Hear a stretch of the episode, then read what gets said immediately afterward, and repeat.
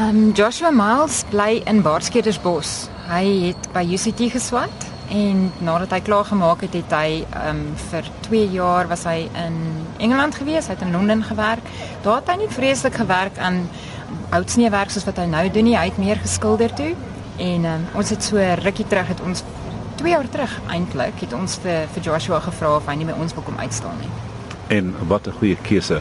Kom ons praat 'n bietjie oor sy werk en sy aanwending. In Engels staan sy tegniek bekend as reduction block woodcuts.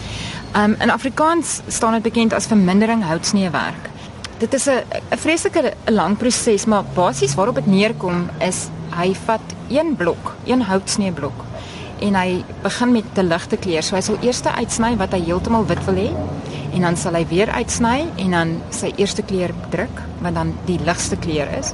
En so sal hy verder verder gaan donkerder donkerder. En elke keer voordat hy 'n ander kleur opsit 'n donkerder kleur opsit sal hy weer uitsny. Die drukkunstenaars noem dit die suicide printmaking. Want daar is net 'n klein edition soos wat hulle dit noem en hy maak Joshua maak net 10 So daar's daar's net 10 van dit waar in ander drukprosesse kan jy tot op 100 gaan as jy sou wou.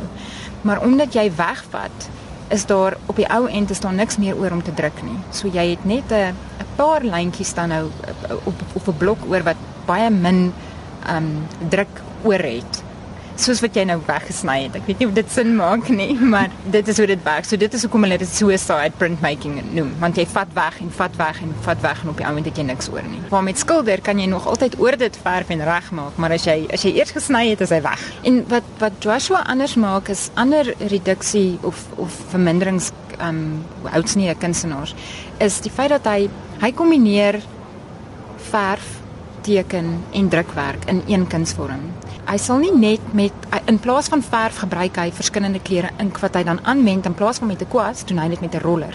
So hy sal die 'n geel vat en hy sal kleure meng van daai geel en dit dan op verskillende plekke met die roller aanwend. En dan is daar die tekenmerk is heel aan die begin waar hy sy uitleg doen en dan natuurlik die drukwerk is die hele proses. So dit dit is wat Joshua so ongelooflik spesiaal maak.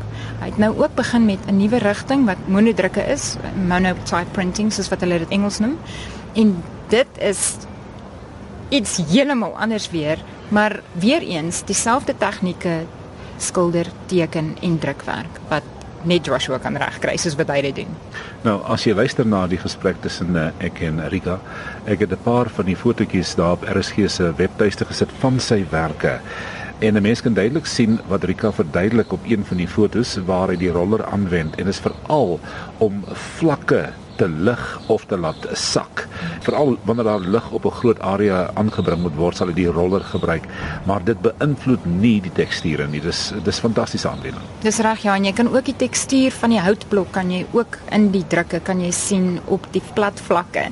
Kan jy ook die die tekstuur van die hout sien en en dit is wat dit uniek maak. Dit is nie net 'n plat plat vlak nie, daar is nog 'n bietjie tekstuur van die hout ook. Realisme kom vir my op 'n hele paar ander vlakke van sy werk voor. Die werk lyk soos 'n foto, absoluut soos 'n foto, ja. soos 'n kleurfoto wat geneem is met 'n goeie kamera. Dis die eindproduk.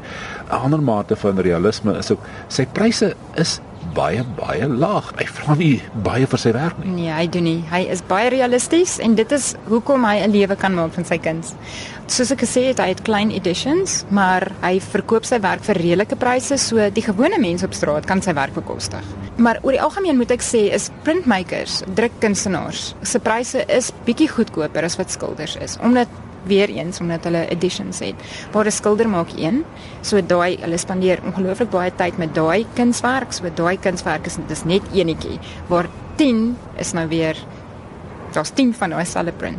Ja, en hy noemer hulle ook aan die kant, so jy kan sien hy sal sê 1 van 10 of 5 van 10 of of so. So jy weet dat daar is net 10 en as hy klaar is, gooi hy daai blok gooi hy weg. Hy kan dit nie weer gebruik nie. Rika, toe julle nou sy werk open met die opening van die Gariepfees, wat was die terugvoering? Het jy uh, hoe sê hulle was dit jaw dropping? Dit was. Mense het met groot oë rondgeloop en ek kan nou daar was is, ons het spesifieke gesprek gehad met die een dame wat van die Kaap afkom en sy's ma vir die Karoo en sy en Joshua het lank gesels by die een werk en ek onthou gister toe jy instap sê jy jy sien hoe die son daarso opkom maar sy het gesien hoe die son ondergaan in daai spesifieke um, print in daai werk.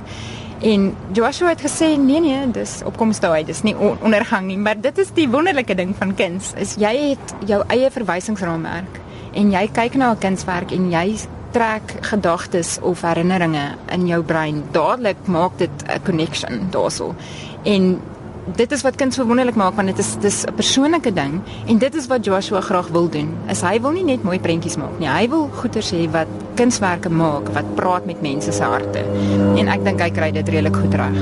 Nou daar het jy dit nou van Rika, dis Rika Norke kunsprojekte hier by die William Humphreys Kunsgalery.